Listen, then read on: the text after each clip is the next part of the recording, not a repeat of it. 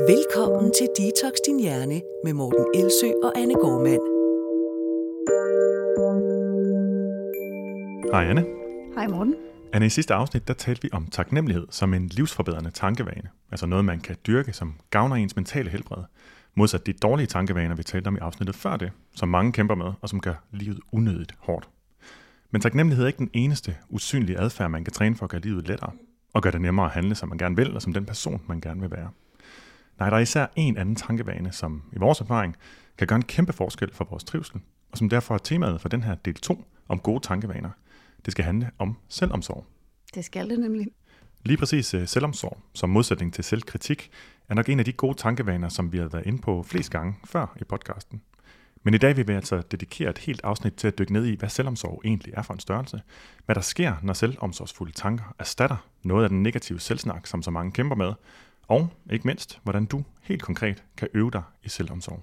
Yes. Og for at vi overhovedet kan tale om selvomsorg, også for dem, der måske ikke lige har hørt den gamle episode, vi lavede omkring dårlige tankevaner, så kunne det være rigtig fedt at starte med at tale om, hvad er egentlig det modsatte. Mm. Fordi det gør det så tydeligt, hvad det i hvert fald ikke er.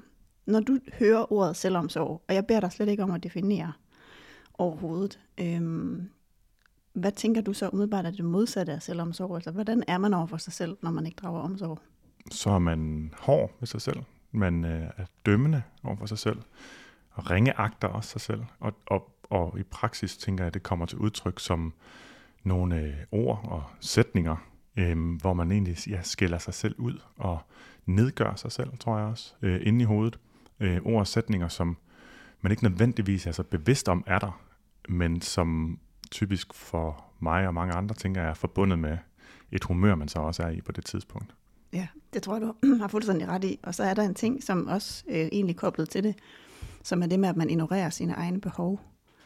Altså at man, øh, hvis man godt kan mærke, at man har brug for en pause, når man kommer hjem, så tænker jeg sådan, det har jeg ikke fortjent. Jeg har mm. slet ikke haft travlt nok, eller så er jeg jo bare doven, jeg kan ikke ligge her og lave ingenting.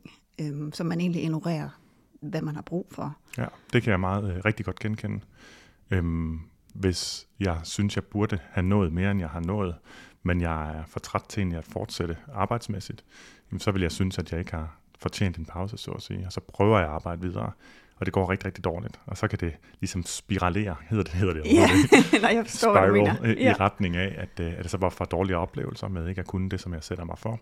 Og så fortsætter det egentlig i, i retning af, af noget negativt, kontra hvis jeg tænker, at jeg har egentlig brug for en pause. Det kan jeg genkende nu i min uh, måde at ikke kunne løse den her opgave på.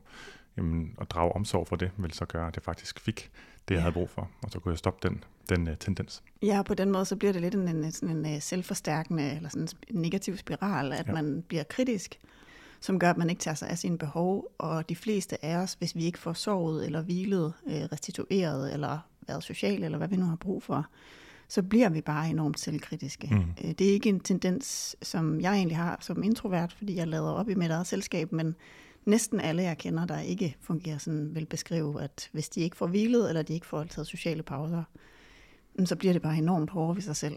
Ja. Øhm, og man kan sige, hvis det nu var et barn, det er nogle gange det lettere at forholde sig til. Så hvis du nu stod med en femårig, som havde haft en kæmpe krise, fordi dem hen fra børnehaven, de gad ikke at lege så vil man meget nemt kunne se, hvad er forskellen på omsorg og på manglende omsorg. Mm. Så sender man barnet ind på værelset og siger, hold nu op, det er ikke noget at græde over, øhm, gå ind på dit værelse, indtil du er færdig med det. Så har man både ikke taget sig af dets behov, som måske var en krammer, men man har også negligeret eller på en eller anden måde underkendt den følelse, de har. Mm.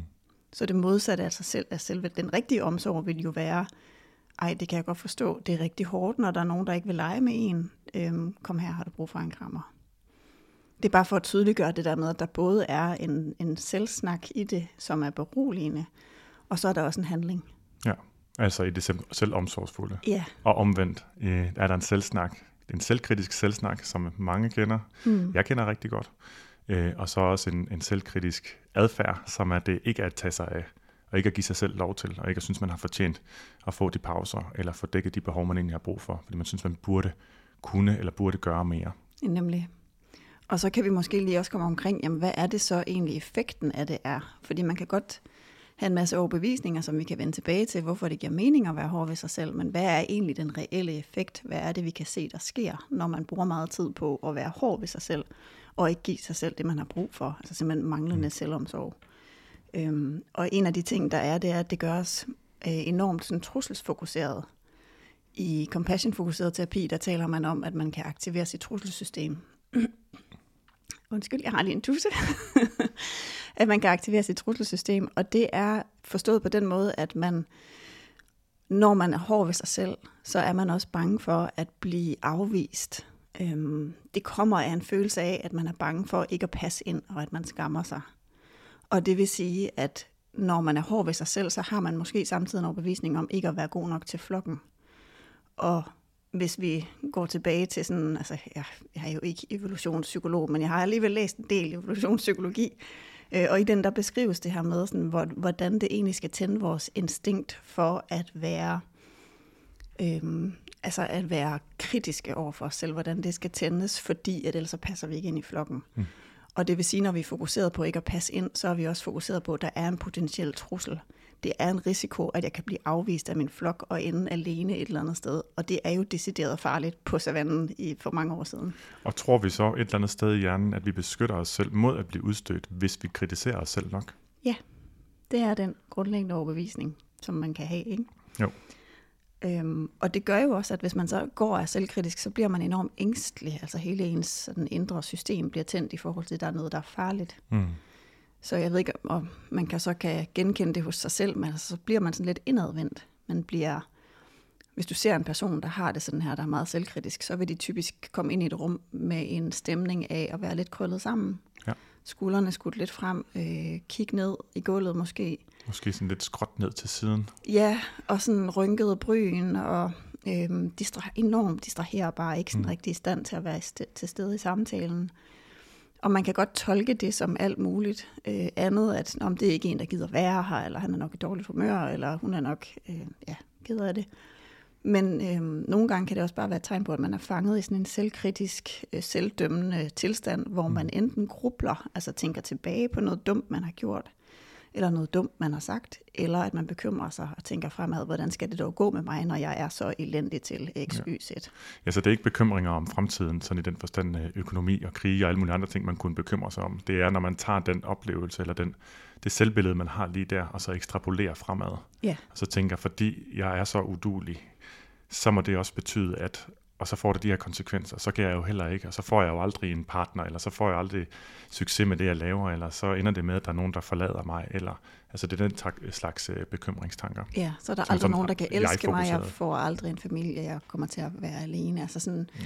tanker, som jeg er enormt ubehagelig at tænke på, og som gør en trusselsfokuseret, og ens tendens er så at vende sin opmærksomhed indad. Ja fordi det er skamfuldt at have det sådan, man har ikke lyst til at dele det med nogen, og fordi man tænker, at det er inde i hovedet, man skal fikse det.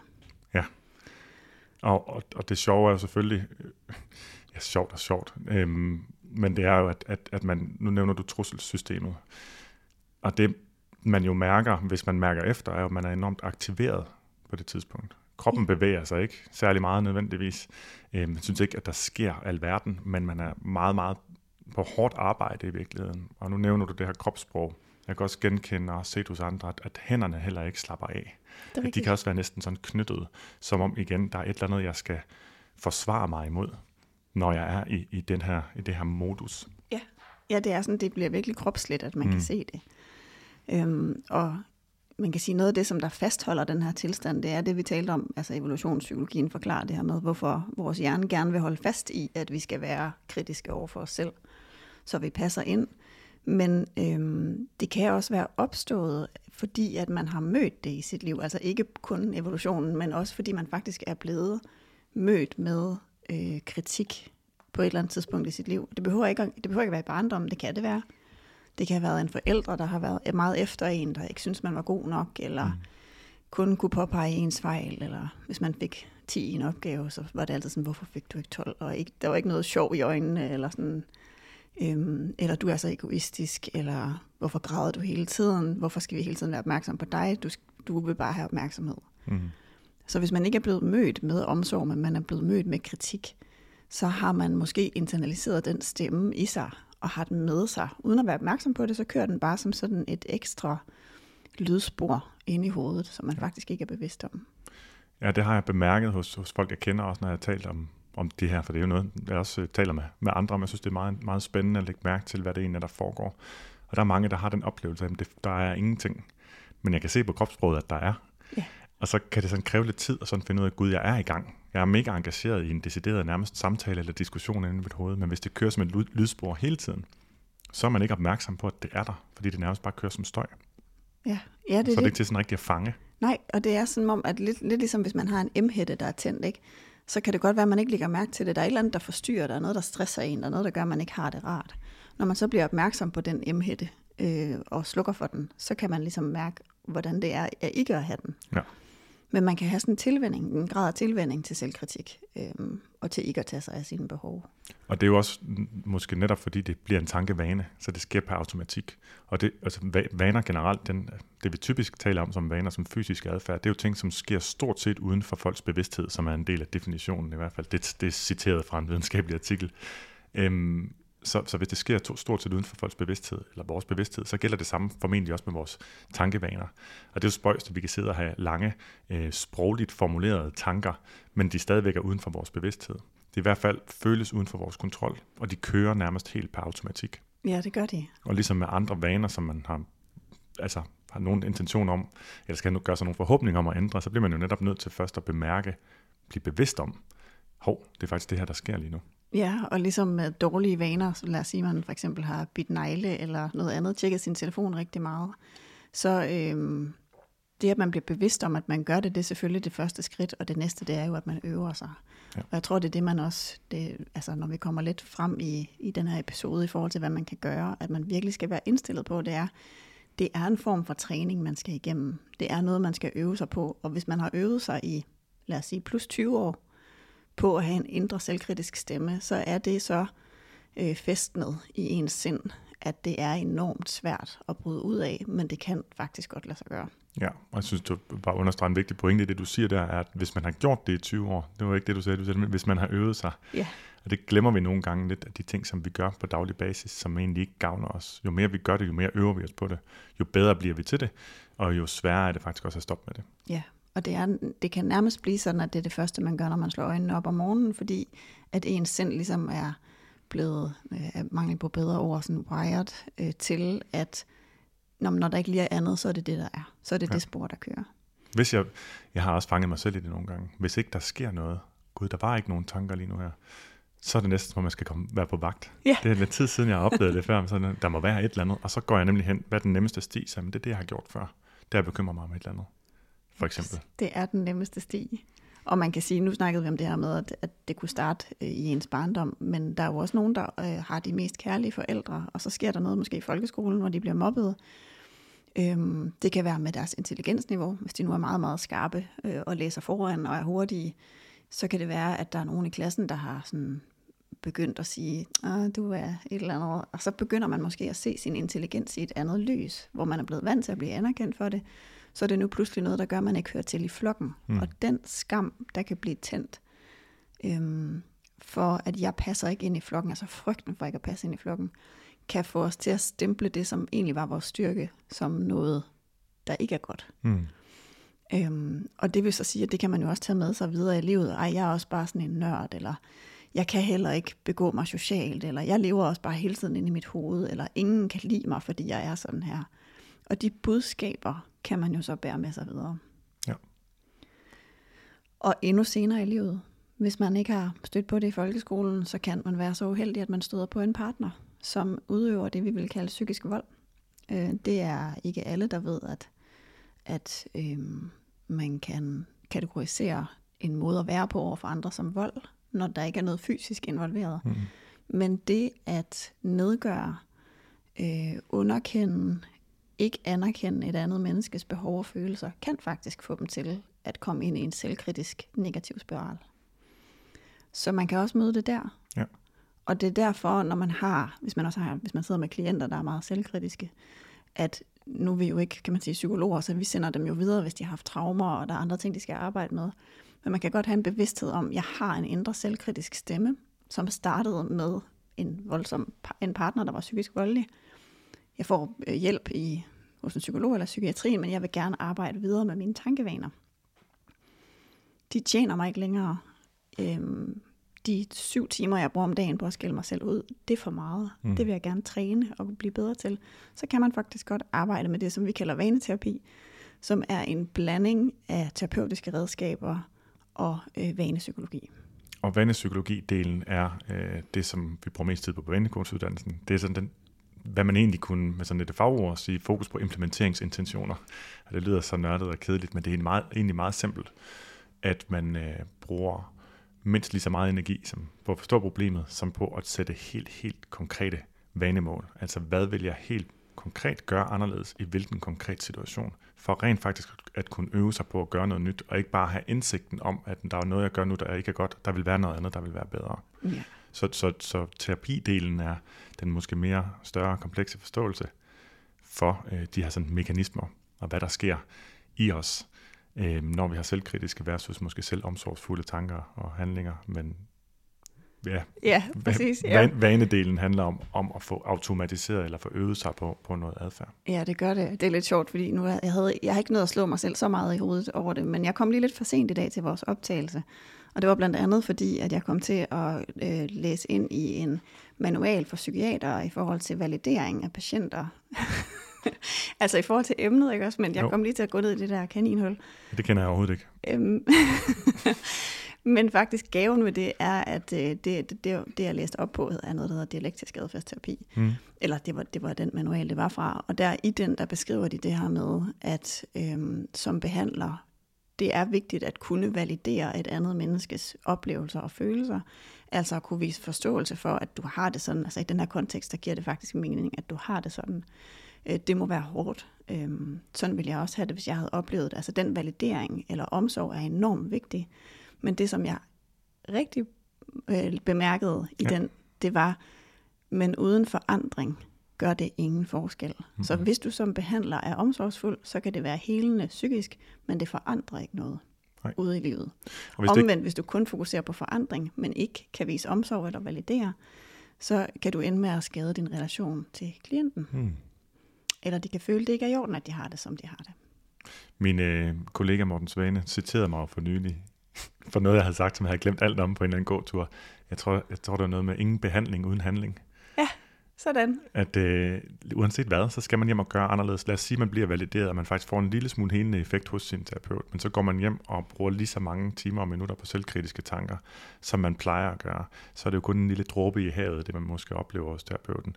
Der, hvor det virkelig gør en forskel, det er, hvis man bliver bedre og bedre til at fange sig selv i, jamen nu tænker jeg på en måde, som jeg nu er klar over, kun har negative effekter, kun har, ja, påvirker mit liv dårligt og gør mig ikke til et bedre menneske, tværtimod.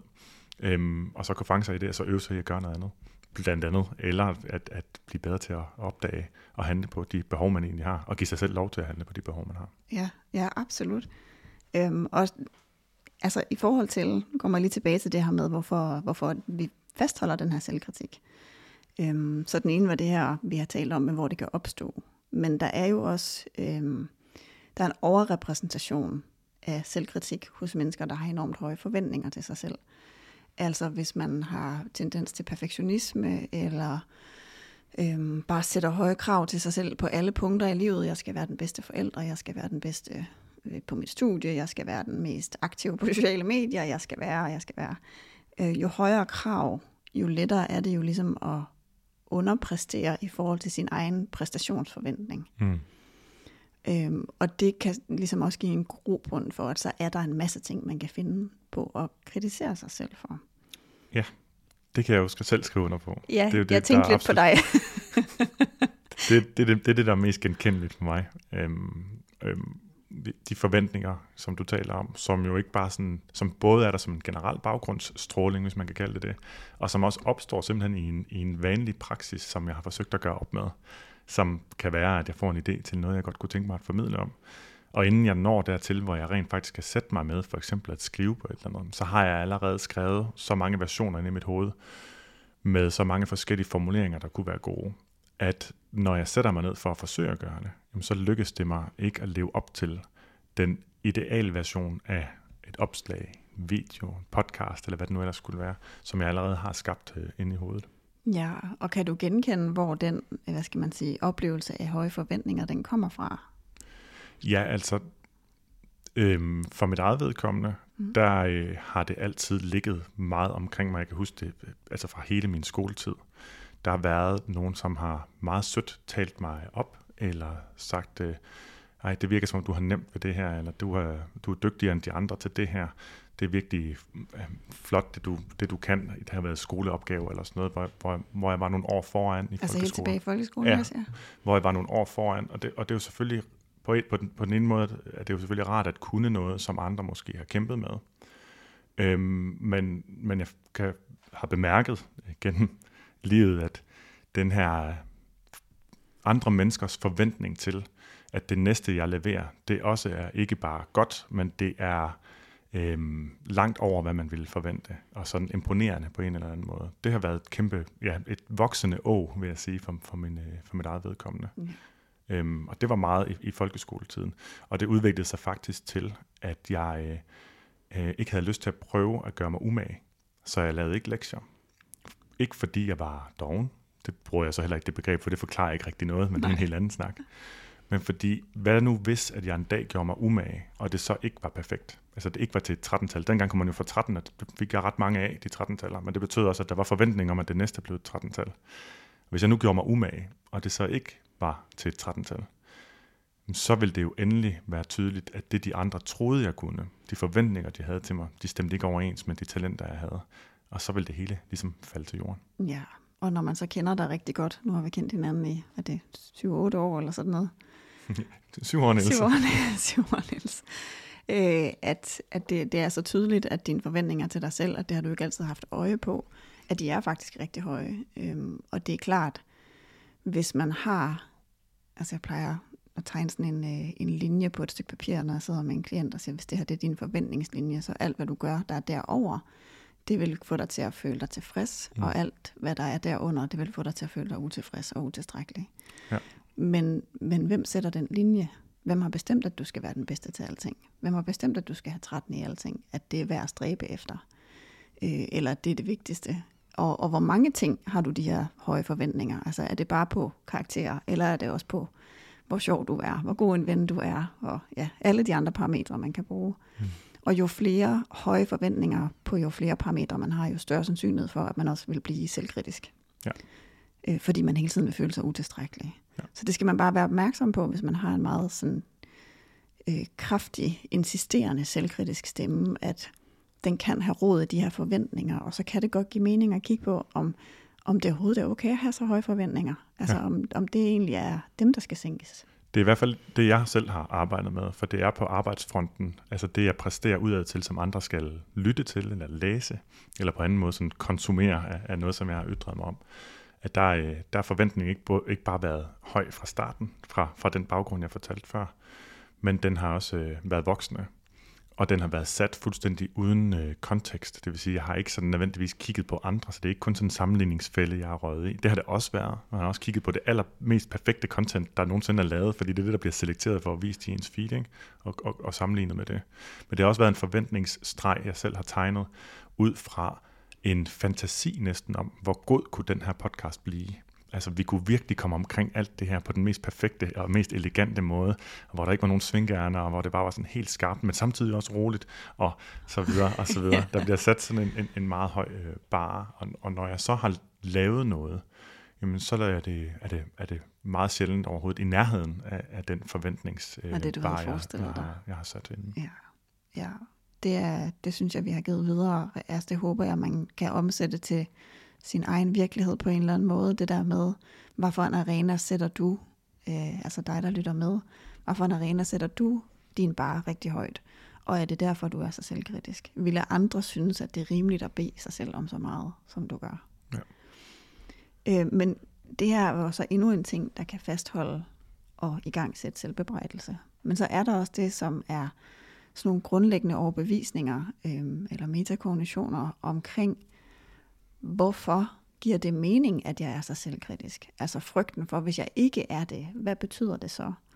Og det har vi været lidt omkring, men jeg synes lige, vi skal nævne det her alligevel. Altså det her med, at det er nyttigt at skille mig selv ud, for ellers så ændrer jeg mig jo ikke. Nej, det er den, jeg støder på mest, og det er også det, jeg tager op, når jeg selv underviser på, på vores kurser, i at vi øh, ja, egentlig forsøger at, at øh, fikse, at vi har fejlet ved at slå os selv i hovedet bagefter. Så hvis nu, at jeg ikke bliver ved med at skille mig selv ud over, at jeg for eksempel er faldet i, det kan være på madfronten, at man har spist noget, man sagde, man ikke ville. Men alle mulige andre ting, man har sat sig for, som man ikke lykkes med. Hvis så man ikke skiller sig selv ud bagefter, så går det først rigtig galt, som om det er sådan et kontrolredskab. Det har vi nævnt et par gange i, i, i podcasten mm. også. Jeg har også en fornemmelse af, at, at mange gør det som i, hvis ikke de skiller sig ud over at gøre noget, som de synes er forkert, så er de faktisk rigtig dårlige mennesker. Hvis ja. de trods alt kan skille sig ud bagefter, så er det som om, så kan vi blive enige om, os to inde i mit ene hoved. Inde i mit eget hoved. ja, at, øh, at, at hvis vi er enige om, at det, jeg gjorde der, var dårligt, så er jeg jo trods alt moralsk ikke et dårligt menneske, for så har jeg jo vurderet det korrekt. Ja, så, så det er et tegn på at være et godt menneske at skille sig selv ud, kan ja. være den metakognition. Yes. Ja, ja, som man er nødt til at have fat omkring, fordi ellers så ender man jo bare med at tænke, at det er nyttigt at skille sig selv ud. Øh, og oven i det kan komme en anden overbevisning, som er, jamen at vise sig selv omsorg, eller vise omsorg generelt, at, at det er et svaghedstegn. Det mm. bliver sådan forbundet med, øhm, jamen sådan helt tilbage, sådan en, sådan, det er sådan en feminin kvalitet for det første, så derfor kan det måske være ekstra svært for, for nogle mænd. Øhm, men også som sådan en blød kvalitet, som man, hvis man er omsorgsfuld, så er man ikke skarp og viljestærk og øh, assertiv og sådan, altså alle de der sådan ting, man egentlig forbinder med en styrke, hvor at man så sætter lighedstegn mellem omsorg og svaghed. Ja. Og, øhm, ja, måske også det, sætter lighedstegn mellem omsorg og manglende fremdrift og udvikling. Altså jeg tror, der er mange, der sætter lighedstegn i hvert fald mellem selvkritik og udvikling. Hvis du ikke er hård ved dig selv, så presser du ikke dig selv, og så bliver du ikke et bedre menneske. Mm. Den øh, fylder rigtig meget i den sådan øh, maskuline internetsfære. Ja. At det er meningen, man skal forbedre sig selv gennem at være hård ved sig selv.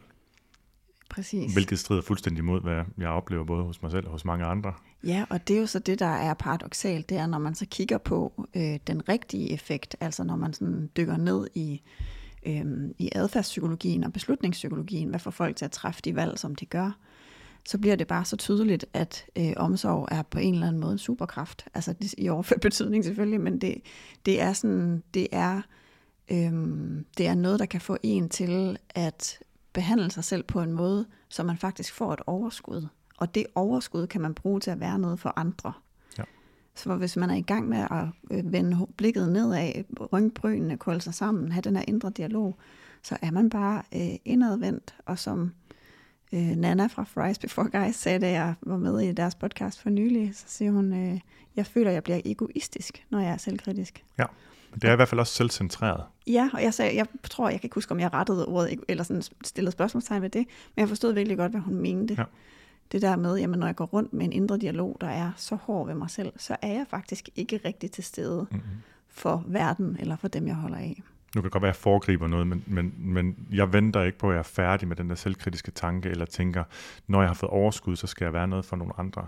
Fordi når jeg ser mig selv være i det der modus, så er jeg mulighed for, fordi jeg har øvet mig på det, at sige, nu øh, dropper jeg det med det samme, når jeg ser, at der er nogen omkring mig, og så engagerer jeg mig i dem i stedet for. Det er sådan en god måde at, at afbryde den tanketalestrøm ind i hovedet på. Så behøver jeg, ikke, jeg behøver ikke igen. Jeg behøver ikke vente til, at jeg har det godt nok til at kunne være noget for andre. Jeg er noget for andre, og så får jeg det bedre. Det er selvfølgelig ekstra gældende for en ekstrovert person som mig, som også bliver opladt øh, af at engagere mig i andres øh, ja. Ja, i andre mennesker omkring mig. Ja, Ja, hvis man, så, man, man vælger at se det som en styrke, øhm, så er det jo også baseret på, eller man kan vælge at se det som en styrke med god grund, fordi det er baseret på, at når vi kigger på motivation, altså hvad får folk til at gå i retning af noget, de ønsker, øhm, så er øh, frygt en dårlig motivator. Ja. Øhm, hvor at et ønske om forbedring, altså man i psykologien, der har de sådan en forsimpling af det, der hedder, bliver du drevet af frygt eller kærlighed? Og at kærlighed er en større motivator end frygt. Og omsat hertil betyder det jo bare, jamen hvis du pisker dig selv til at forandre dig, så får du formentlig mere af det, du pisker dig selv over. Ja, men og det hvis du viser sammen... dig selv forståelse, så får du måske mere, så går du i retning af at have lyst til at gøre ting, som gør en forskel, og det, det får dine handlinger til at blive bedre. Jeg har sådan en fornemmelse af, at den frygtstyrede adfærd, den er meget mere akut. Det handler om akut forløsning. Man, men i hvert fald tror jeg, skal, jeg skal løse et akut problem, hvor det, lad os sige, kærlighedsstyret, eller selvomsorgsstyret, øh, det er mere langsigtet. Hvad har jeg egentlig brug for, for at kunne vokse? Og vokse men på den måde, som vokse til at være den person, jeg gerne vil være, over for mig selv, over for andre, over for verden. Øhm, og også handle på den måde, jeg gerne vil handle, helt generelt. Der, der tror jeg bare, igen, det bliver mere langsigtet per automatik, mens det, mens det frygtbaserede er kortsigtet. Og de kortsigtede løsninger, det er typisk dem, der holder os fast i det mønster, som vi er i. Ja. I de vaner, som vi egentlig gerne vil slippe. Jamen, det, og det er det helt sikkert. Øhm, og så er det også ligesom, der kommer også en ekstra øh, overbevisning, jeg rigtig tit støder på ved mine klienter, som er, jamen, jeg kan jo ikke lide mig selv. Altså, hvordan, jeg kan jo ikke tale til, øh, pænt til mig selv, når jeg ikke kan lide mig. Mm. Og der kan vi godt have sådan en overbevisning om, at det er øh, umuligt at være omsorgsfuld over for nogen, man ikke kan lide. Men, men er det sandt? Kan man ikke godt være omsorgsfuld over for en, man er vred på, eller ikke kan lide? Altså, hvis det er handlinger og ord og måder at være på, vi beskriver som omsorgsfuldt. Kan man ikke godt, når der er for eksempel ens øh, barn, der er, har fået, har, er flegnet, som en af dem fra madrum, madrummetoden sagde her for nylig, at børn de flegner, når, når man øh, siger, at de skal spise noget, de ikke vil. Og hvis man har et barn, som måske altså flegner, bliver, bliver meget irriteret over at blive presset, så kan det godt være, at du lige i det øjeblik ikke kan lide det barn så godt, du elsker det skal selvfølgelig stadig, men man kan godt have sådan en følelse af, ej, sikkert et irriterende lille menneske, der sidder der. Ja, det kan man. Lad os få det normaliseret. ja, lad os få det normaliseret. Øhm, men derfor kan man jo godt have besluttet sig for, jamen når mit barn får sådan et raserianfald, selvom jeg ikke lige kan lide dem lige der, så vil jeg være omsorgsfuld i min tone. Jeg vil udtrykke, jeg kan godt forstå, at du blev rigtig vred. Jeg er lige her. Jeg går ingen steder. Hvad har du brug for? Eller har du brug for en krammer? Ja. Øh, så selvom man mærker vrede og modstand indeni, så kan man faktisk godt handle omsorgsfuldt. Og det kan man også godt lære at gøre over for sig selv. Det minder mig lidt om, og det kan godt være et, et helt åndssvagt eksempel, men jeg synes, jeg ser nogle gange sådan nogle krimiserier og sådan noget forskelligt, og der ser man jo tit, at, eller ser man en gang med et eksempel på, at man møder en anden kriminel, som er vigtig, en hård type, og som bare bliver også, skal bare straffes og skal ja, hele tiden kritiseres for at være et dumt svin. Og så en gang imellem, så er der en, der finder ud af at være omsorgsfuld over for den person. Og faktisk vise, jamen, øh, hvad er det egentlig, der er årsagen til, at du har det på den måde? Hvad er det egentlig, der ligger bag? Jeg så lidt afsnit af noget i går, som lige fik mig til at tænke på det, eller som jeg lige vendte tilbage til i mit hoved nu her hvor den her hårde type så pludselig bliver for første gang mødt af en, som faktisk gerne vil vide, hvad er egentlig årsagen til, at du handler på den måde. Og så viste det sig, at der var nogle ting, der lå bag, og der var nogle problemer, der så nu kunne fikses. Og den historie, den ser man egentlig tit, tror jeg, jeg tænker også, måske lytterne kan ikke genkende til, at der er nogen, der bliver omvendt, men først når de bliver mødt, ikke af straf og skæld ud, men når de bliver mødt af omsorg. Ja, det er enormt helende. Altså for relationer generelt er det jo mega helende, at der er nogen, der bare siger, jeg ser, du har det hårdt, det giver mening, at du har det sådan. Jeg er lige her, jeg går ingen steder. Og i det her sådan, eksempel med den kriminelle, så er det jo netop også, at det faktisk er det, der skal til for at bryde den adfærd. Og det gælder jo så også for en selv, at det ikke er selvskæld ud, der rent faktisk får en til at ændre adfærd. Nej, det er noget mere fastholdende. Nej, det er, når man vender det om og faktisk prøver at forstå sig selv. Og øh, se, om der er en god forklaring på, hvorfor man har svært ved det ene eller det andet. Jamen, så er der faktisk mulighed for at forbedre sig. Så det er vigtigt få brudt med den der forestilling om, at forbedring sker gennem selvkritik og selvskæld ud. Nej, det vender faktisk fuldstændig omvendt. Ja, det gør det.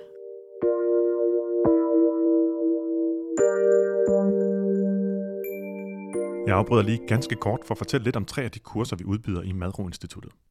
Vanecoach-uddannelsen er vores mest populære uddannelse. Den er til alle, der hjælper andre med at ændre vaner, uanset om det er fastholdelse af træningsvaner, sundere spisevaner, søvnvaner eller sunde arbejdsrutiner, der ikke dræner og stresser. Her bliver du trænet i et helt konkret samtaleredskab, så du ved præcis, hvad du skal sige, når du sidder over for en person, du gerne vil hjælpe. Vores kostvejlederuddannelse er til dig, der har brug for velunderbygget, opdateret ernæringsviden og konkrete redskaber til at genkende madmyter og misinformation. Du får også indsigt i, hvorfor det er så svært at spise sundt, og så lærer du selvfølgelig, hvordan man rent praktisk vejleder andre til at lave kostændringer, der gør en forskel. Og til dig, der arbejder med børns spisevaner, sundhed og vægt, har vi madro-metoden. Der lærer du især at hjælpe forældre, der er bekymret for, om deres børn spiser for meget, for lidt eller for ensformigt, og så får du værktøjer til blandt andet at hjælpe børn til mere madmod og sundere spisevaner. Du kan læse mere om kurserne på madroinstituttet.dk, og hvis du har spørgsmål, er du altid velkommen til at sende os en mail. Adressen er kontakt madroinstituttet.dk. Og nu tilbage til samtalen. Du lytter til Detox Din Hjerne med Morten Elsø og Anne Gormand det leder os virkelig meget hen til det, som man sige, vi rigtig gerne vil frem til i dag, som er, jamen, hvad er så selvomsorg, og hvordan kan man praktisere det? Og hvis vi starter med, øh, hvad det egentlig er, nu vi talt meget om, hvad det ikke er, hvad der fastholder det, mm. hvad der fastholder selvkritikken, men, øh, men hvad det i virkeligheden er, synes jeg, vi skal prøve at trække på øh, compassion-fokuseret terapi. Det er øh, en nyere terapiform, i hvert fald i forhold til nogle af de sådan, klassiske, mm. øhm, og dens fokus er på evnen til at drage omsorg, ikke bare for sig selv, men også for andre, og så at kunne modtage omsorg. Altså der er sådan tre retninger på omsorgen. Ja, nu bruger du ordet compassion, og så bruger du så øh, oversættelsen omsorg. Jeg ja, mener, du nok. har sagt, okay, at der er lidt forskel. Der er, nogle, øh, der, er lidt, der er lidt mere indhold i compassion end i omsorg måske. Ja, man kan sige egentlig så direkte oversat, så, det, så er det medfølelse. Øhm, men compassion-begrebet, det findes ikke på dansk. Der er ikke en retvisende oversættelse. Fordi det, som det egentlig betyder, jeg har egentlig bare lyst til at komme med det direkte citat fra øhm, Paul Gilbert, som er den, der har hvad skal man sige, grundlagt compassion-fokuseret terapi. Øhm, og han siger, Compassion is defined as a sensitivity to suffering in self and others, with a commitment to try and alleviate and prevent it. Og det vil jo sige, øh, oversat, eller hvad man skal sige, at når man har omsorg for nogen, uanset om det er en selv eller andre, så har man blik for deres kampe og smerte. Altså man faktisk vælger at fokusere på, har nogen det svært, er der nogen, der kæmper og så er det krydret med en intention om at hjælpe. Og det vil sige, det er ikke bare en følelse. Hmm. Du kan godt føle omsorg for nogen, du ser i fjernsynet i nyhederne, men den omsorg kan de ikke rigtig bruge til noget, hvis du holder den for dig selv uden at handle på den. Thoughts and prayers. Ja. Så, øh, så compassion er helt klart øh, kendetegnet ved, at det er en følelse med en intention om at hjælpe, drage, drage omsorg for, fjerne lidelse og smerte hos andre eller sig selv. Og øh, man kan sige nu, i den her episode har vi jo valgt at fokusere på selvomsorg, og ikke så meget den omsorg, man tager imod, eller den omsorg, man giver. Men mm. alle tre dele er lige vigtige for ens velbefindende. Ja. Det at kunne give andre omsorg og kunne modtage omsorg for andre er lige så vigtigt. Men lad os zoome ind på den del, som bare er, hvordan giver jeg mig selv omsorg? Som er det, der hedder self-compassion så i Ja, og det kan godt være, at vi bare skal bruge det ord fremad, fordi selvomsorg ikke rigtig dækker det. Lad os prøve. Ja, vi prøver, selvom ja, nu vi falder over det. ja, øhm, ellers må lytteren tilgive og vide, at det er self-compassion, vi taler om. Ja, så ja. det er bruges uh, interchangeably her i, i, i, den, i det her afsnit. ja, og det vil jo så sige, at selvomsorg, det er at være opmærksom på sine egne kampe, sin egen smerte, have en klar intention om at øh, vise sig selv omsorg og forståelse, og give sig selv det, man har brug for. Mm. Det er det, selvomsorg er. Og de der kampe, det er jo det, der ligger bagved med ens adfærd. Jeg tænker også, nu nævnte du det med barnet, der bliver presset, eller den kriminelle, der gør noget, der er forkert, moralsk forkasteligt er forbudt osv. Men der ser man jo netop kun det, der kommer ud til overfladen. Og det er jo så det, man skælder ud over, eller dømmer hårdt, eller har, har et negativt forhold til. Ikke? Og det at være opmærksom på kampene, det vil så være bare at gå spadestikket dybere og sige, hvad er årsagen til, at personen gør det her? Hvad er det, der presser den i den her retning? Ja. Øhm, ja, og det er jo så det, man kan gøre ved sig selv også. Ja. Så, så... Hvad er årsagen til, at jeg gør det her nu? Hvad er årsagen til, at det her det er svært? Som er præcis de spørgsmål, jeg stiller mig selv, hvis jeg når at fange mig selv, inden, øh, inden jeg er gået for, for langt. Så er du allerede nået relativt langt i compassion-arbejdet, fordi det er det, som folk faktisk finder sværest det er det med, ja, jeg kan godt se, at den stemme ikke er gavnlig for mig, men hvad er det så, jeg skal stille op med den? Øhm, og det er jo det, man så er nødt til at gøre, det er at se, jamen giver det, altså, giver det mening? Øhm, det jeg tænker, er det, er det gavnligt for mig at blive i? Og så kan man gøre det, som du nævnte tidligere, men man kan række ud og søge kontakt, men man kan også gøre det internt. Vil du prøve at beskrive, bare sådan, så lytteren, der lytter med, hvordan det er, hvad det er, der sker inde i dit hoved, når du opdager, at du så er selvkritisk? Jamen, jeg kan sidde og skrive på noget, og så kan jeg sidde og skrive om på den samme sætning igen og igen i øvrigt, øh, for at tråde tilbage til det, jeg sagde lidt tidligere, som kan være et opslag, jeg troede, jeg nærmest havde skrevet ind i mit hoved. Men der har jeg virkelig bare fået givet mig selv en, et, et ideal, en ideal version af et eller andet. Og så sidder jeg og skriver, og jeg kan simpelthen ikke finde ud af det. Jeg bliver ved med at skrive den samme sætning om, og så kan jeg sige til mig selv, ej, var det også uduligt, det er utroligt, du ikke kan koncentrere dig. Øhm, hvad var det nu, du sagde tidligere? Kom nu, husk nu for helvede, Morten. Øhm, hvorfor, det dur jo ikke, og så kan det gå, gå videre derfra og sige, jamen, altså, hvis ikke jeg kan finde ud af det her, hvis det skal være så svært at formulere mig, jamen så bliver det, så det der arbejde med at være formidler, det duer jo ikke, men, men det er jo det, jeg er. Det er jo det, der er mit arbejde. Det er jo, det er jo at være formidler, og så kan det gå ud af den tangent, Så bliver det som til en- en bekymring. En bekymringstanke, ja. ikke? Hvor det, jeg gør nu, er, nu kan jeg se, at nu har jeg forsøgt i 10 minutter at skrive, og jeg har ikke gjort andet end at skrive den her ene sætning om, hvad må der er årsagen til det? Så jeg, altså, jeg kan tydeligvis nu se, at det er fordi, jeg simpelthen mentalt øh, ikke har kapaciteten til det. Det kan jeg konstatere som et faktum nærmest. Så siger jeg, hvad må årsagen til det? Jamen, uanset hvad, så betyder det nok, at jeg har brug for at lave noget andet. Jeg har brug for en eller anden form for pause. Ikke hvor jeg laver i citationstegn ingenting, for det kan man selvfølgelig ikke, men hvor jeg vælger at lave noget, som jeg ved erfaringsmæssigt giver mig fri for det her. Gør, at jeg ikke går og spekulerer over det bagefter. Øhm, og det kræver netop, at jeg synes, jeg har lov til det. At jeg har den grundlæggende overbevisning nu. Jeg har lov til en pause, når jeg har brug for en pause. Punktum. Yep. Og der kan du se, øh, det er eksemplificeringen på det, vi lige har talt om. Et, blive opmærksom på, hvad er det egentlig, mine behov er. Altså faktisk at, at kære sig om, hvad er det, den her person, som så er mig, har brug for lige nu. Øh, og så en, en forståelse af, jamen det giver jo mening, at når man er helt fuldstændig udtrættet, at så kan man heller ikke tænke. I stedet for at bebrejde sig selv det, så leder man efter forklaringer. Ja. Ja. Og jeg, jeg øh, lidt efter forklaringer, det bruger jeg mindre tid på nu, hvor jeg sådan siger, men det er også fordi, jeg har siddet og koncentreret mig om det der. Og faktisk fandt jeg også ud af, at jeg var jo også på arbejde, mens jeg var i bad. For der var jeg jo i gang med at skrive. Også da jeg stod og lavede morgenmad, der var jeg også i gang med at skrive, altså inde i hovedet. Mm-hmm. Så der er alle forklaringerne på det. Nu synes jeg ikke rigtig, at jeg behøver de forklaringer længere. Nu Nej. kan jeg bare konstatere, når min hjerne er på den måde, så det er så svært for mig at skrive. Altså det simpelthen er næsten umuligt for mig, kan jeg se foran mig. Eller når min hjerne siger, som jeg tror måske også, jeg har nævnt her i podcasten før, når den siger, du kan også gøre det der. Nej, hvad med du gør det der i stedet? Nej, prøv det der. Og intet af det, jeg sætter mig i gang med, det, det lykkedes for mig. Jamen, så behøver jeg ikke længere få en forklaring på, hvorfor det er sådan. Jeg kan bare konstatere det. Og det er gaven ved at træne det. Det er, at processen er langsommelig og krævende, fordi man skal tænke på en måde, man ikke er vant til. Øhm, det er, hvis man har læst uh, Thinking Fast and Slow af Daniel Kahneman, så vil man kunne genkende det her som system 1 og system 2 tanker. Og dem, man har trænet mest, som er automatiseret, som kører fuldstændig på autopilot ind i hovedet, de går rigtig hurtigt. Dem, man nu skal til at sætte farten ned for at skabe, de er krævende. Men så sker der også det efter noget tid, som du også har oplevet, at jamen så, er der faktisk, så går processen faktisk meget hurtigere. Mm. Der, der er led, man nærmest kan springe over, eller som er automatiseret.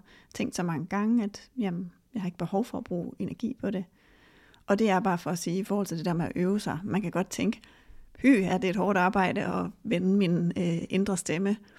Det er det, men det bliver nemmere. Ja, og det er jo ikke sådan, at man arbejder rigtig hårdt på det, for så en dag lige pludselig vender det. Det er jo, at mens man arbejder på det, bliver det lige så langsomt bedre, og lige så langsomt nemmere.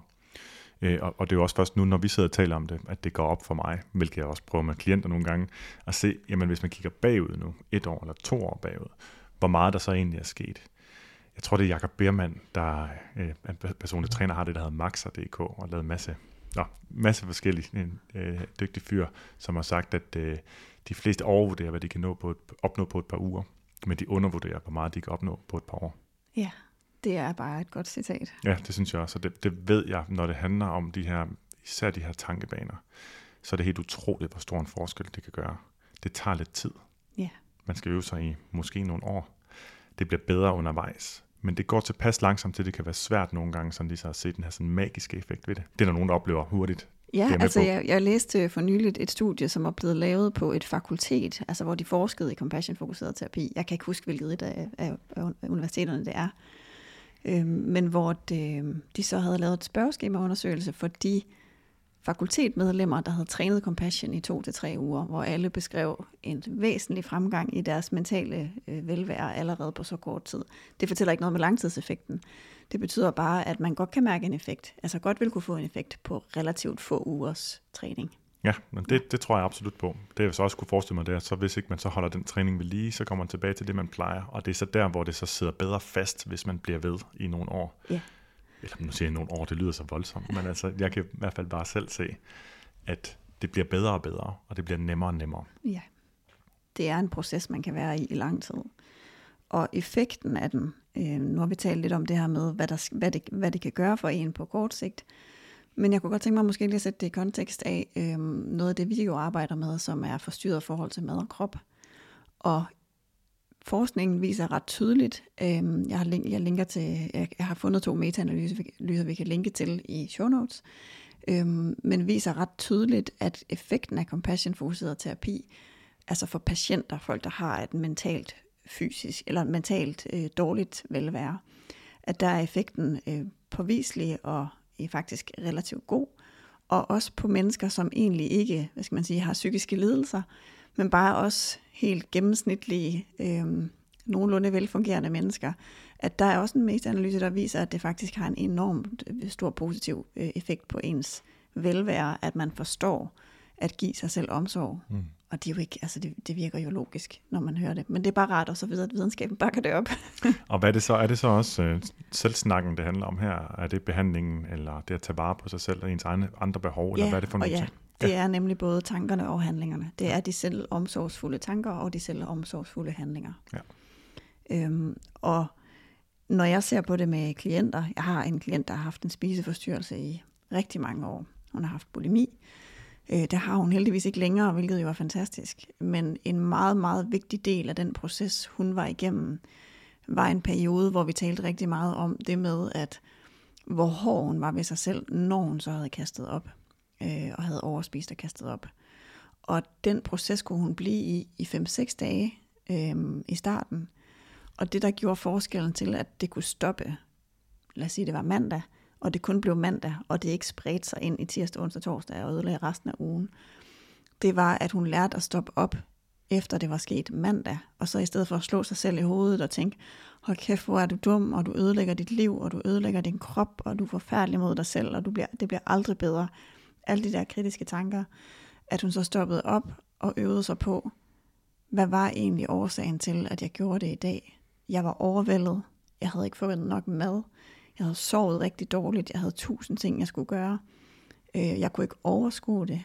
Så det var en reaktion på det. Altså det der, der med selvforståelse. Selvforståelsen. Hvorfor ja. giver det mening i den her kontekst, at det var det, jeg gjorde? Altså det var den adfærd, der kom frem. Det giver jo mening. Jeg har haft det i 30 mm. år. Selvfølgelig er det her en stærk adfærd. Og der, er jo ikke, og der er jo ikke noget selvbedrag i det. Det jeg også kan godt kan lide ved det, er, det er jo netop, det er jo netop en sandhedssøgen. Ja.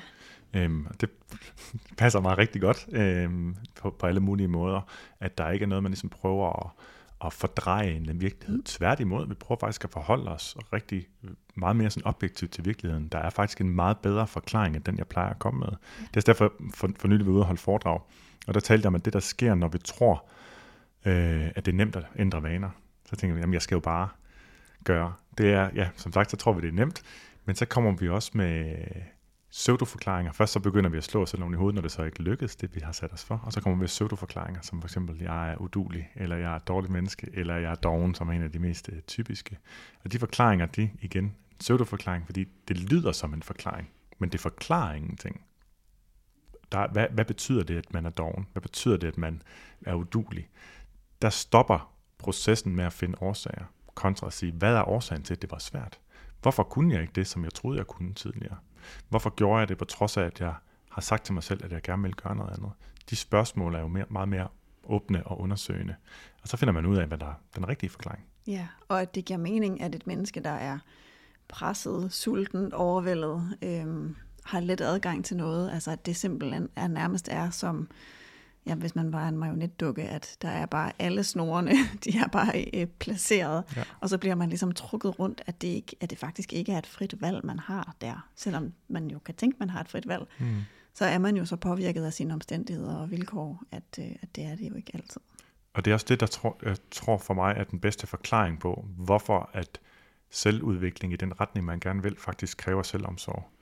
Og det er fordi, i den selvomsorg ligger nemlig behovet for forståelsen, eller det at søge, søge årsagerne. Og når først når man kender årsagerne til, at man gør, som man gør, kan man faktisk finde ud af, hvordan man vil kunne gøre noget andet. Ja. Så selvkritikken er en barriere for selvudvikling, og selvomsorg er en forudsætning for selvudvikling. Ja, helt enig. Og det tror jeg har været vigtigt for mig at forstå, og jeg nævner det også, fordi jeg tror, det er vigtigt for andre at forstå, for at tage det skridt hen til at give slip på den hammer, og gå til selvomsorgsprojektet, ikke som, hvor man stadig har der svaghedsfornemmelse, du talte om tidligere, men som faktisk matcher, at man vil faktisk gerne udvikle sig. man vil helst ikke stå stille i livet. Man vil faktisk gerne blive bedre til ting og blive et bedre menneske. Og det er en, et skridt i retning af styrke. Det er det. Ja. Og, og det, som øh, den her klient også jo var nødt til at øve sig på, det var jo ikke bare forståelsen, det var også, nu har vi sagt det her med, jamen, det er også handlingerne. Det er også, hvad gør man for en person, der er i den her situation. Så det hun helt konkret havde øvet sig på, var at øhm, give sig selv forståelse, altså ligesom bemærke de der kritiske stemmer og sådan sende en venlig tanke til sit eget sind. Sådan, jeg forstår virkelig godt, at, du, at der er alle de her meget hårde ord, fordi at du tror, altså nu taler hun til sit sind, du tror, øh, at det hjælper mig til at rette ind, men det er unødig smerte, du forvolder mig, det har ingen effekt. Øhm, så vil du være sød lige at give plads til de venlige ord også. Ja. Og så kan hun give plads til de venlige ord, som er, det giver mening, at jeg har oplevet det her, og hvordan kan jeg så med handlinger øh, ændre noget? Og i gamle dage, altså før i tiden, så ville hun have nægtet sig selv at spise dagen efter. Så ville hun have startet morgenen med at sige, jeg skal i hvert fald ikke have noget morgenmad, for jeg spiste så meget i går. Men en selvomsorgsfuld handling, når, når nogen er sulten og har brug for mad, det er at give dem mad. Mm. Så hun har lovet sig selv, jamen jeg kommer ikke til at nægte mig selv mad længere. Øh, så når jeg vågner om morgenen mandag, så er det første jeg gør, det er at give mig selv en rigtig, rigtig god, lækker morgenmad. Og det har brudt den spiral. Og det betyder også, at nu hvor der måske går fire måneder imellem overspisninger og opkastninger, og nogle gange, jeg kan faktisk ikke huske sidste gang, hun har nævnt, der var en, men skulle de opstå, så er det så integreret i hende nu. Forståelse, omsorg, handel Mm. efter dine behov. Du skal stadig have med. Ja. Ja.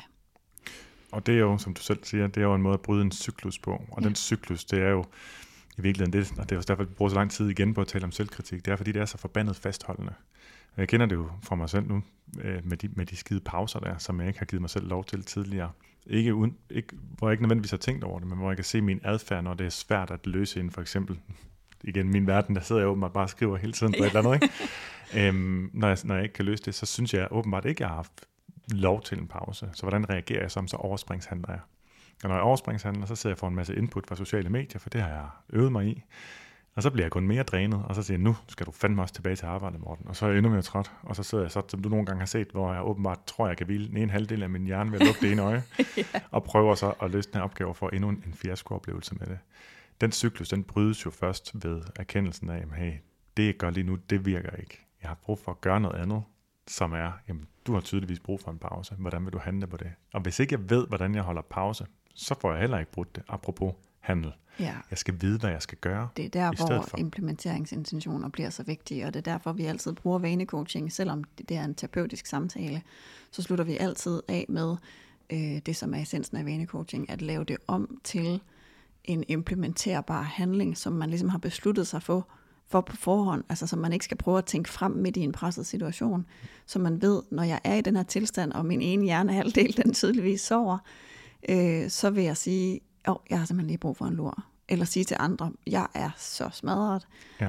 øh, så man kan få den omsorg og forståelse udefra. Ja. ja. Og det er også sjovt nogle gange, hvis man overlader den beslutning om, hvad man skal gøre, når man har det sådan, til når man har det sådan, så har man også sat sig selv op til fiasko. Det kender jeg for mig selv. Det første, der ryger, når jeg bliver mentalt udkørt, det er evnen til at træffe beslutninger. Ja. Og så kan man se mig bare sådan flak fra side til side, nærmest bare med hovedet. Men som jeg kan også gøre, det kan også være, det, det her brug for det. Nej, det skal simpelthen være noget, der står nærmest printet ind i hjernen. Når du har det sådan, så gør du sådan. ja. For så skal jeg ikke bruge, øh, kræve noget, som jeg ikke kan leve op til på det tidspunkt af mig selv. Nej, nemlig. Det er godt at have den plan. Øhm, og nu er vi så egentlig på vej lidt ind i sådan afrundingen i forhold til, jamen, hvordan kan vi så øh, gøre det her til noget, man kan træne, og noget, man kan øve sig på selv. Og vi har været lidt omkring det, men, øhm, men noget af det, som jeg tror, man bemærker, hvis man har lyttet med til andre episoder, det er, at der er sådan en grad af træning, øhm, som egentlig kommer fra mindfulness-forskningen, men som er evnen til at kunne observere sit eget sind. Og det er forudsætningen for, at man kan ændre noget som helst. Det er, at man kan opdage det tankespor, at man kan kende den der indre kritiske stemme, så man faktisk ved, hvornår den taler, og det ikke bare er den der konstante emhætte, der kører. Øh, Og træningen i det er det første skridt. Og det er, at man prøver at notere sig, hvad er det faktisk for nogle ord, der mm. går igennem? Hvad er det for nogle sætninger, jeg typisk hører? når jeg er selvkritisk. Øhm, kan du for eksempel genkende nogle af dine? Har der, har der været nogle klassiske i forhold til, hvis du har siddet med, lad os sige, du sidder med telefonen, fordi du havde egentlig brug for en pause, men så har du måske siddet der meget længere, end du havde lyst til. Hvad for nogle selvkritiske tanker vil du så kunne observere? Altså, der er så tilpas meget, øh, så mange, tilpas mange stimuli, når man sidder med sin telefon, så, så jeg synes nogle gange, det kan være svært at, at lægge mærke til de selvkritiske tanker i den situation. Det jeg har bemærket, det er, at når jeg begynder at sige til mig selv, Hov, hvad var det egentlig, du, øh, hvad var egentlig årsagen du tog, til, at du tog telefonen op? Ofte er det måske noget, jeg stak af fra, noget øh, typisk måske en arbejdsopgave, der var overvældende. Det kan også være en hjemmeopgave, skulle jeg til at sige, en huslig pligt, som er årsagen. Og, og, og det var bare for lige at nævne, at, at når jeg formår først at lægge telefonen fra mig, når jeg er nysgerrig og leder efter forklaring på, hvorfor jeg overhovedet øh, fandt den frem i første omgang. Ja, man kan sige, det du måske også beskriver her, det er, at du også øh, kommer til at bruge telefonen som flugt eller afledningsmekanisme øh, i forhold til netop at være selvkritisk. Altså at i stedet for at være selvomsorgsfuld, og give dig selv det, du har brug for, så er det, telefonen kommer frem. Og det kender vi jo som undgåelsesadfærd, og det er også en helt normal reaktion på selvkritik. Mm. Men så i forhold til den her øvelse, som man kan lave, så, finder jeg, så vil jeg gerne lige spørge til, om der, er en, om der er en specifik situation, hvor du faktisk oplever, at du har en selvkritisk stemme, som ligesom er lidt vedvarende, efter der er et eller andet, du er flov over eller har fortrudt. Mm. Jamen, den har egentlig været en, øh, en fast følgesvend i rigtig meget. Af det formidling, jeg har, jeg har lavet. Især det, som ikke har været skriftligt, men det, øh, det kan være foredrag og undervisning, og faktisk også øh, podcasts, men især foredrag og undervisning, øhm, hvor jeg jo også har en idé om, hvordan, apropos forventninger, jeg synes, det skal, det skal være gået, hvor skarpt det skal være, men jeg også har en forventning om andres forventning, øhm, som jo igen opretholdes af de søde, rosende beskeder, man får nogle gange, ligesom jeg fik søde, øh, rosende øh, ord øh, tilbage i folkeskolen, om at jeg var dygtig, som jo lyder så øh, dejligt, altså, som kun noget positivt at få at vide, men som igen også skaber den der sådan, ja, forventning til mig selv, ja, om at det skal være godt. Frygten for at fejle, eller Frygten skuffe. for at skuffe, tror jeg, måske mm. er, mere, er mere retvisende. Så hvis jeg holder et foredrag, og, og det er altid forskelligt, hvor, øh, ja, man kan sige, det, er jo, det varierer jo, hvor, hvor meget til stede jeg selv er, hvor, hvor, hvor skarp jeg føler mig og hvor godt jeg derfor også kan præstere. Så præstationen er jo også øh, varierende. Og hvis, den ikke er, øh, hvis det ikke har været en af de bedre, jamen så, øh, så er der meget hurtig gang i hjernen bagefter, som jo spøjs nok er en meget træt hjerne, men som så stadigvæk er meget, meget aktiv. Og hvis du så skal kunne genkende, hvad det er for nogle ord, fordi det er den første, det er det første skridt, det er at kunne observere sine tanker, og så kunne genkende, hvad er den specifikke ordrette mm. øh, lyd af min selvkritik. Hvad vil der ske inde i dit hoved? Jamen det første, det vil være noget med, det der, det var bare ikke godt. Øh, det var ikke bare ikke godt, det var ikke godt nok. Øh, jeg har ikke fortjent at få den øh, løn, som jeg får for det. Øh, jeg har helt sikkert, altså siger det mig selv, skuffet øh, arrangørerne. Jeg har skuffet publikum. Øhm, en indskudt bemærkning, næste at komme med her, det er jo, at øh, jeg har fået forskellige eksempler på, at det ikke passer for nylig holdt jeg et foredrag, hvor jeg havde den oplevelse bagefter. Så gik der tre dage, så bad de mig om at komme ud og holde det igen. Ja. til et andet publikum, fordi de havde været så begejstrede for det. Så, så, øh, så den er jo ikke retvisende, den fortælling. Nej. Og Men det er den er hård, for jeg kunne mærke, at jeg blev faktisk helt ked af det på din vej. Jeg tænker, have det sådan, efter man har været der. Den er også underlig at beskrive så nøgternt. Uh, nu er det principielt kun over ja. for dig, men uh, nu er der en hundsmasse, der, der også uh, får, får lov at høre det med.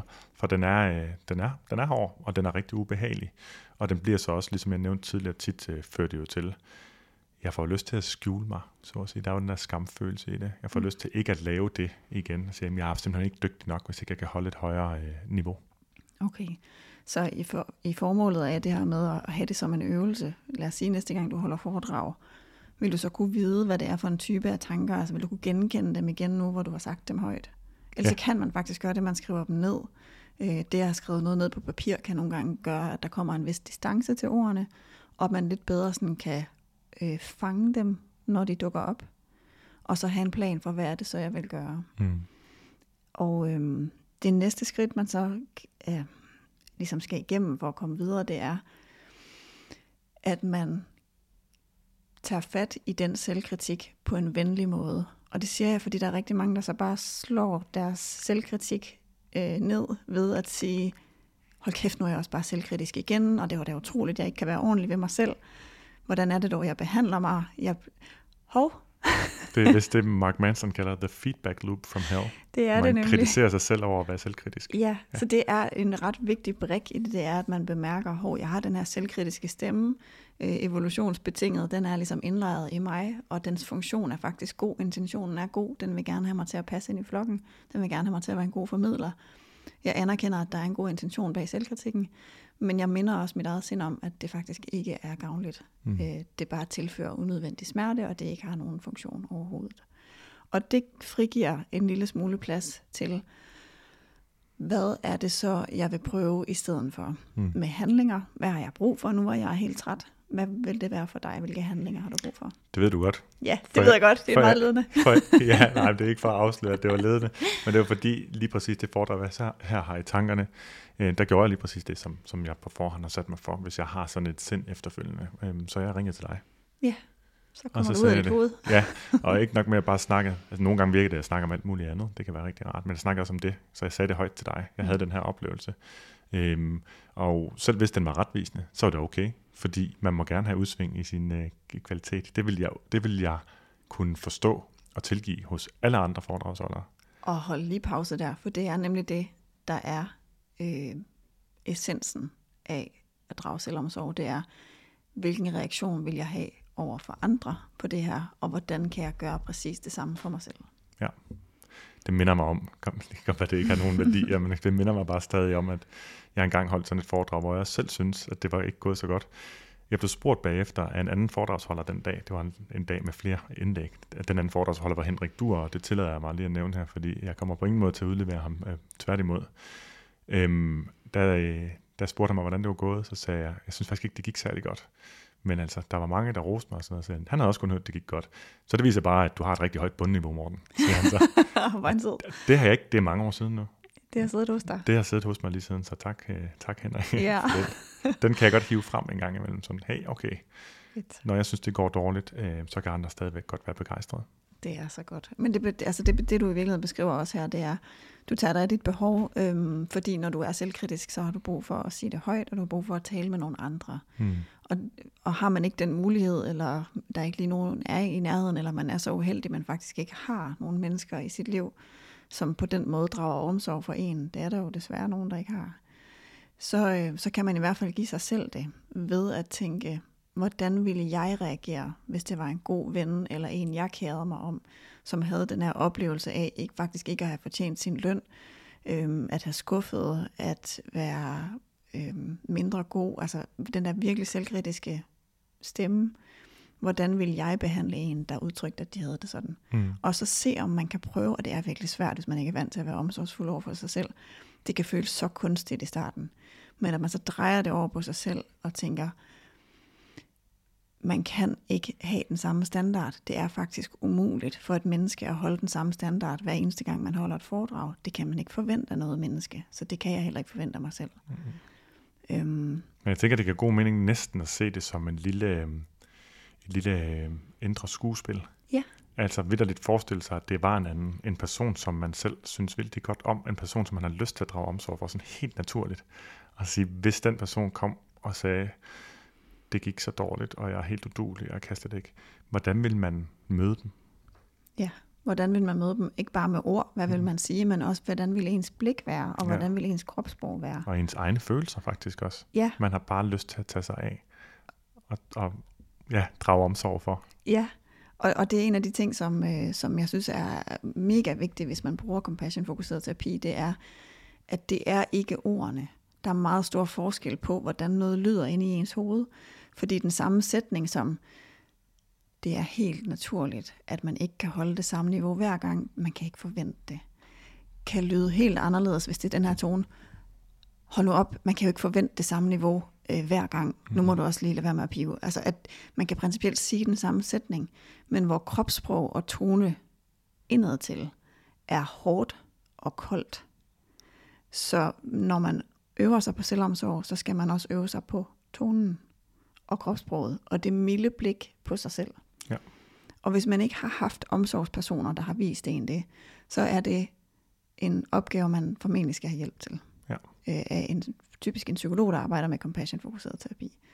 Fordi så kan man øh, under de rigtige omstændigheder øve sig i at finde en måde at få den omsorg internaliseret, enten via sin terapeut, øh, eller vil man bruge nogle forskellige psykologiske greb, som er sådan, de, de kan lyde sådan lidt skøre, når man ikke er vant til, men når man har været på mange kurser med psykologer, så finder man ud af, at det er nogle helt vildt fantastiske øh, metoder, de bruger, men hvor man godt kan tænke i starten, kan det virkelig være? Mm. Kan det virkelig passe, at man skal det?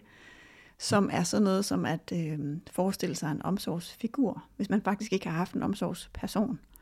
Hvis man ikke har haft gode forældre, man ikke har haft øh, nogen, der har kæret sig om en, så kan det være en tegneseriefigur, man bruger som omsorgsperson. Det er sådan set lige meget bare noget, man forbinder med noget omsorgsfuldt. Bedstemor Ann. Bedstemor Ann. Første, der dukkede op. Jamen, det, og det, det, at jeg, kan, jeg kan sidde og smile for mig selv, når jeg siger det. Men jeg ved også, at det kan være nogle enormt effektive metoder. Mm. Øhm, og, Jeg mener, det er helt alvorligt.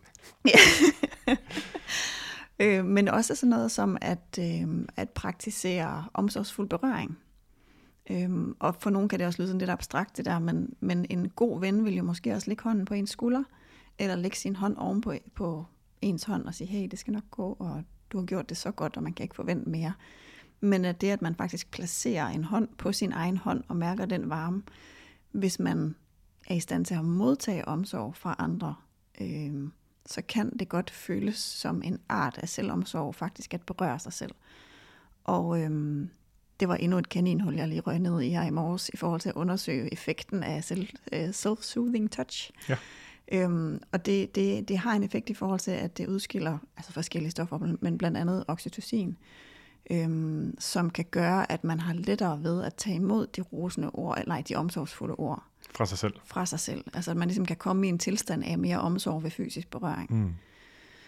Med den undtagelse, at hvis man har enormt meget selvhad i forhold til sin krop, så kan det at være i berøring med den være en trigger. Øhm, Og, og apropos trigger, så kan man vel også forestille sig, at det i sig selv bare kan ankre. Lad os sige, nu siger man, at man skal vælge en handling efter, når man fanger sig selv i de her tanker. Det kan jo være, at det starter med, at man gør sådan, som Ja, jeg gør lige nu, sin hånd, som ja. alle kan se igen mikrofonen. man kan næsten høre det. Jeg rører sin hånd og siger, Nå jo, det gør jeg, fordi det kan være, det lige, bare lige bringer mig i retning af, hvad var det så, jeg egentlig skulle sige til mig selv derefter. Ja, det kan være en påmindelse, mm. og, det, og varmen fra hud mod hud kan være sådan en fysisk påmindelse om, hey, det her, nu kommer der omsorg. Det er Mm. det, der er, der er i gang nu. Nu er Ja. vi færdige med kritikken. Øhm, og det kan man øve sig på, hvis man har lyst, men for nogle er det selvfølgelig grænseoverskridende, og for nogle skal de have mere, mere hjælp til at kunne det. Men øhm, så vi har været omkring det med, at man skal blive opmærksom på at kende den der kritiske stemme. Man skal faktisk ordret kunne gengive, hvad er det, den siger, fordi så er det meget nemmere at genkende den, når man så står i den svære situation. Hvilket betyder, at næste gang du øh, som lytter øh, oplever det, og være i den modus, hvor du også kan mærke det helt kropsligt, så kan det være rigtig fint, mens du er i det, og begynder at, sige, begynder at finde tastaturet frem, skulle jeg til at sige. Telefonen vil det nok være et eller andet, eller et stykke papir, og så begynder at skrive ned, hvad er det egentlig for nogle ord, jeg siger til mig selv. Og du har faktisk helt ret i, at det er en pointe lidt for sig, som også øh, kan være vigtigt, det er, at måden man opdager, at man er selvkritisk, er typisk via sin krop. Altså det er, at man har det dårligt. Så når man oplever, at man har, øhm, sådan, har det dårligt, enten fysisk eller psykisk, så kan man nogle gange spørge sig selv, hvad var jeg i gang med at tænke på? Ja. Og så er det der, man kan opdage det sådan lidt bagud. Hvorfor har jeg det så dårligt lige nu? Nå, det er fordi, jeg lige har kørt en øh, time lang øh, svada ned over hovedet på mig selv over, hvor dårligt et menneske jeg er. Så er det ikke så mærkeligt, jeg har det kørt på her. automatik, som Ja. ja. ikke sige, hvad for nogle ord har jeg sagt, og så Nå, nej, hvad har jeg egentlig været i gang med? Hvad Ja. var det egentlig, der skabte den her følelse? Jamen, Ja. det, tror jeg, det tror jeg mange vil, jeg tror, det er en god vej at vende den rundt. Ja. Øhm, Det er en god måde at blive opmærksom på det på overhovedet. Yes, og bemærke, hvordan kroppen og følelserne egentlig har det. Altså, gud, hvad er der egentlig sket op i mit hoved? Ja. Og så kan man begynde at sætte ord på det. Ja, lige præcis. Ja. Og så kan man så til sidst, øh, når man har gjort det, minde sit sind om, at det her det er faktisk mega unødigt, og det er ikke svagt at give sig selv omsorg, det er en kæmpe styrke, og det er det, der kan få mig videre. Øhm, og så kan man gøre plads til, hvad vil jeg sige, hvis det var en, jeg, en anden person, måske en god ven, der havde, der havde det sådan her. Hvordan vil jeg drage omsorg for dem, og hvordan kan jeg gøre det for mig selv? Mm. Eller hvad vil en god ven, hvis jeg havde en, hvis jeg har en god ven, hvad vil den gøre, hvis, hvad vil han eller hun gøre, hvis de var her lige nu? Hvordan vil de så tage sig af mig? Ja. Og kan jeg gøre noget? Hvis de vil sige, skal du ikke have en lur? Nå jo, jeg kan give mig selv en lur. Hvis de ville sige, hey, du er for træt til at vurdere din egen præstation lige nu, skal vi ikke hellere snakke om noget andet? Nå, jeg skal distraheres med noget andet, indtil jeg ikke er træt. Ja. Så det er jo også en metode, man kan bruge. Ja, altså fordi alternativet til, at nu siger du distraheres, men uh, man kan også sige engagere sig i noget andet, ikke? Ja. Det vil jo være, at man engagerer sig i det, man plejer. Ja, Dem, og det er sine egne tanker, og lader dem få lov til at gå i en spiral i en negativ retning. ja, nemlig. Og så skal man huske den indre tone og kropssproget. Altså, at det ikke er godt nok at sige, ja, men så må du jo lægge dig ned og tage en pause. Det er vist det, du har brug for. Men i stedet for er, hey, det er faktisk forståeligt. Du har brug for en pause lige nu. Kunne lige overlægge dig. Ja. Til sig selv. Og så når man har gjort det, så har man været igennem øh, de her tre trin, som jeg bare lige vil kort opsummere til sidst, så man måske ikke kan huske dem, når man slukker for sin, øh, sin, sin podcast-app lige om lidt. Altså bemærk din egen indre kritiske stemme, præcis hvad den siger. Mind dig selv om, at det faktisk er velment fra dit sind og prøve at skælde dig ud, men at det ikke er nyttigt. Og sidst men ikke mindst, øhm, overvej, hvad du vil sige til en god ven, eller hvad en god ven vil sige til dig, og se, om du kan øve dig på at gøre det samme for dig selv. Og det var alt, hvad vi nåede i dag. Men inden vi slipper dig, kære lytter, så tillader jeg mig lige igen at minde dig om, at nye vaner ikke starter af sig selv. Heller ikke tankevaner, uanset hvor meget man godt gad at have dem. Hvis du godt kunne tænke dig at prøve at bytte nogle af dine selvkritiske tanker ud med mere selvomsorgsfulde tanker, ja, så skal du altså have en konkret plan for, i hvilken situation du vil prøve det af, hvordan du vil opdage, hvad du er i gang med, og hvad du vil sige til dig selv i stedet. Så når podcasten slutter lige om lidt, og der er et øjebliks stillhed, inden der starter en ny, eller inden du tager telefonen op for at finde det næste stykke underholdning, så brug lige to minutter på at tænke over en plan. Det betaler sig. Hvis du gerne vil læse mere om selvomsorg, eller self-compassion, som det jo egentlig hedder, så kan du finde Annes boganbefalinger og videnskabelige referencer til afsnittet her på detoxdinhjerne.dk. Og hvis du vil arbejde med vaneændringer, enten de fysiske eller de mentale, så husk at kaste et blik på vores kurser inde på Madro Instituttets hjemmeside, madroinstituttet.dk. Så er der vist kun tilbage at sige tak for i dag, Anne, Tak for i dag. og tak til dig, der lyttede med.